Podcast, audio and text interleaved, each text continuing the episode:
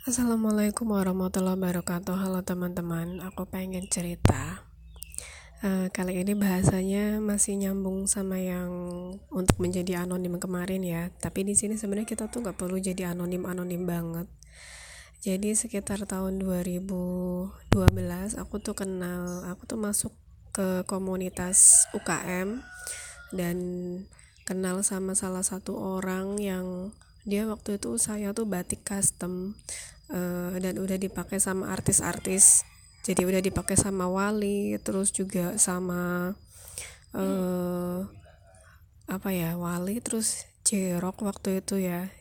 Uh, grup band pokoknya grup band zaman dulu lah pokoknya. Nah uh, aku pikir waktu itu dia tuh sukses. Di mataku di mata kami member-member grup itu dia tuh yang paling sukses kayaknya tuh waktu itu aku masih kuliah dia juga masih kuliah.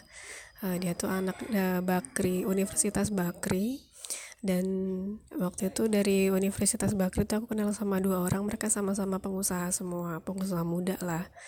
Uh, dan uh, dia waktu itu sama-sama tinggal di Bekasi juga di daerah Rawalumbu ngontrak gitu ngontrak kios jualan gitu tapi lebih gencarnya itu online uh, di tahun-tahun berapa ya setelah pandemi pokoknya dia tuh kemuncul dan mulai membuka bahwa dulu ketika dia jualan batik itu sebenarnya untungnya nggak banyak. Sebulan itu paling cuma 500 satu juta itu paling banyak gitu. Kan aku tuh kaget karena dulu kan dia tuh di agung-agungkan dan dia tuh di apa ya di istilahnya di keren top banget gitu loh. Ternyata waktu ketika dia masih kayak wah banget di medsos gitu ya. Itu kayak dia tuh kayak omsetnya gede gitu loh. Hasilnya tuh gede gitu. Ternyata enggak. Dia ngebuka itu. Dan terus dia kan akhirnya ya aku nggak tahu gimana uh, dia tuh akhirnya dapat kepercayaan dari investor dan dia bikin usaha ini. Bukan usaha tapi emang udah PT gitu. Hmm, uh, pembersih gedung gitu. Terus akhirnya merambah ke hama terus juga dia sekarang lagi buka jasa konstruksi dan perumahan syariah gitu.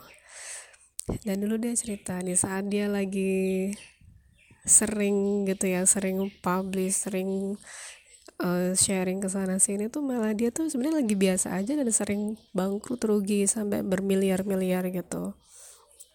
Nah aku tuh pernah ikut kelas Facebook Ads itu waktu lihat di kan ada ini orang tuh siapa gitu ya.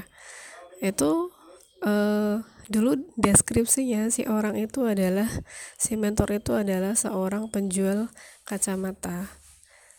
Dimulai dengan punya utang ratusan juta atau miliaran aku lupa. Terus akhirnya membuka usaha dan bisa bangkit gitu akhirnya dia buka kelas Facebook Ads gitu kan. Setiap aku ikut kelasnya dan aku juga bayar yaitu bukan kelas gratis kelas bayar. Uh, di kelasnya memang dia sebutkan dulu saya punya punya hutang ini ini ini. Terus akhirnya saya buka usaha awalnya dropship. Terus akhirnya saya bikin merek sendiri dan dia jualan tuh ilmunya pakai Facebook Ads dia bilang gitu. Bahkan omsetnya tuh pernah satu bulan itu sampai satu miliar dia bilang gitu Oh oke, okay. tapi makin ke sini makin ke sini kan uh, algoritma Facebook juga kayak kalau kita pernah berinteraksi sama orang itu atau pernah berhubungan sama orang itu atau kelasnya orang itu atau grupnya orang itu akan muncul kan. Nah pada kelas-kelas kelasnya dia yang sekarang sekarang ini tuh udah gak udah gak pernah lagi disebutkan si Anu yang telah bangkit dari hutang bermiliar-miliar dan seorang pengusaha atau penjual kacamata gitu. Dan aku coba akses website kacamatanya tuh udah nggak aktif lagi. Berarti kan dia udah nggak jualan kacamata dan hanya jualan kelas gitu. Nah ini masih ada korelasi sama temenku yang penulis itu yang si mentor itu kan nggak punya nama sama sekali. Dia baru terjun itu juga di dunia kepenulisan menulis novel itu tahun ini. Dan di bulan Agustus itu dia udah dapet 1300 dolar. Kan itu udah hampir 20 juta kan kalau pakai kurs 15.000 gitu. Itu cuma 4 bulan. Menurutku tuh dia uh, si mentor tuh nggak pernah yang namanya di medsosnya tuh yang menceritakan ceritanya gimana gimana tuh nggak pernah. Tapi dia tiba-tiba bet bet bet gitu aja. Tapi memang kalau aku sendiri juga mengalami ketika memang kita lagi fokus itu jangan banyak diomongin jangan banyak diomongin gitu. Aku sendiri juga mencoba mempraktekkan untuk bimbelku. Uh, dulu bimbelku itu aku set, aku uh, kan ada dalam ilmu marketing itu namanya tuh um, apa sih ya copywriting sama satu lagi itu apa ya? Oh convert selling. Ada namanya istilahnya convert selling ya. Convert selling itu adalah kita tuh cerita gitu loh kayak progres kita keberhasilan kesuksesan kesuksesan itu kita upload gitu udah jadi cover selling gitu. Cover selling apa cover selling ya ngomongnya ya cover selling pokoknya. Nah gitu.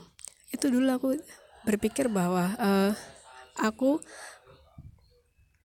aku pengen menunjukkan sama orang ini loh bimbelku prosesnya tuh. Jadi uh, menarik minat orang gitu kan. Aku memang nggak pernah yang namanya ngajak orang satu persatu atau bagi brosur les di sini ya nggak pernah. Tapi kan aku cuma menceritakan aja di med media sosialku gitu loh. Ini loh. Nah tapi untuk tahun ini ya mulai dari tahun kemarin ya sejak Agustus 2021 aku awal buka tuh aku nggak pernah menceritakan karena aku udah apa karena aku udah kenal ya tadi uh, filosofi yang aku baca waktu itu. You want to be wealthy and private not to be rich and famous. Eh not to be poor and famous gitu. Aku coba sembunyikan progres gitu kan.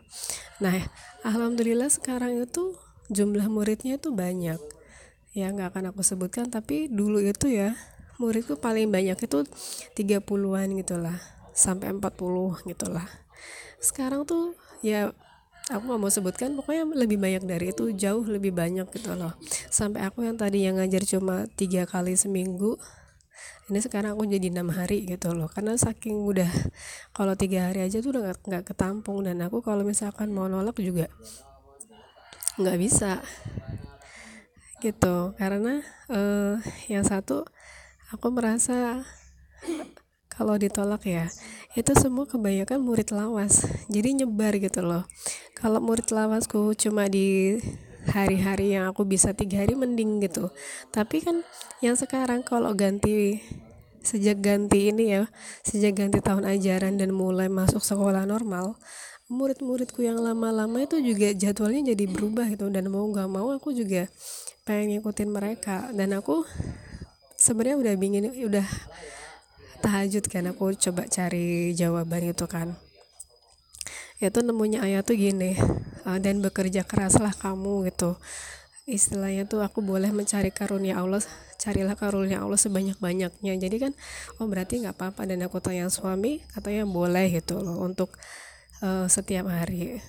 Lagian aku kalau di rumah tuh gabut banget ya memang sih uh, kan kamu pak anaknya dua. Iya memang. Tapi ketika anak lagi tidur kan aku juga nganggur gitu loh. Apalagi kerja rumah udah beres gitu kan mau ngapain itu memang kalaupun aku kerjain sesuatu selesai ya udah gitu. Aku mau ngapain gitu. Aku tuh nggak bisa yang namanya diem nganggur. Kecuali aku habis melakukan sesuatu aku capek itu baru bisa. Tapi uh, buat aku sendiri aku nggak bisa diam di rumah doang. Makanya aku cari kesibukan kayak gitu. Nah itu ya teman-teman. Dari pengalaman kenalanku di ranah UKM yang sekarang dia tuh udah jadi direktur uh, berbagai perusahaan perusahaan pest control perusahaan uh, pembersihan kaca gedung dan sekarang dia mulai merambah di dunia arsitek dan juga perumahan syariah dia ketika lagi uh, on on apa ya, on publication. Dia ketika lagi seneng pu, publikasi semua kegiatan dia dia tuh sebenarnya tuh lagi nggak baik-baik aja. Dan dia tuh penghasilannya tuh uh, biasa aja bahkan rugi bermiliar-miliar gitu. Tapi ketika dia sekarang udah diem doang gitu dia paling update tuh paling uh, kayak ngasih kuis. Terus nanti kalau uh, apa namanya uh, ngasih-ngasih kuis terus juga ngasih tips bisnis udah gitu doang. Itu pun kayak yang sebulan sekali dua kali gitu. Terus juga yang kedua tadi uh, orang yang aku belajar Facebook Ads itu dia juga ini dia melupakan bisnisnya gitu loh. Uh, dulu dia di dikenal sebagai penjual yang punya merek kacamata sendiri gitu kan. Tapi lama-lama dia jadi sibuk jualan kelas gitu dan ya udah jadinya kan dia predikatnya udah bukan lagi pengusaha gitu kan tapi udah jadi yang kayak mentor training dan aku tau lah mentor training orang zaman sekarang tuh udah banyak uh, trik-trik di YouTube dan dia juga pasti menyadari itu ya udah gitu jadi Hmm, dari tiga orang berarti ya sama salah satu lagi mentorku dan si penulis yang terkenal. Sebenarnya kenapa aku bisa menyimpulkan penulis yang lumayan punya nama ya. Aku ikuti kelasnya kurang sukses dari si mentor adalah aku pernah subscribe cerita dia dan dia tuh hapus dan dia tuh pernah ngeluh bahwa sekarang itu untuk masuk platform itu susah gitu. Dan dia bilang sendiri gajian tuh susah. Berarti kan memang ada kesusahan dalam hidup dia gitu. Dan sekian dan terima kasih. Eh, nggak uh, ada salahnya kalau kita itu membuat sesuatu itu private untuk kita sendiri atau kalau mau dipublikasi ya cukup di bagian hasil aja dan itu di akun khusus aja gitu. Semoga bermanfaat. Assalamualaikum warahmatullahi wabarakatuh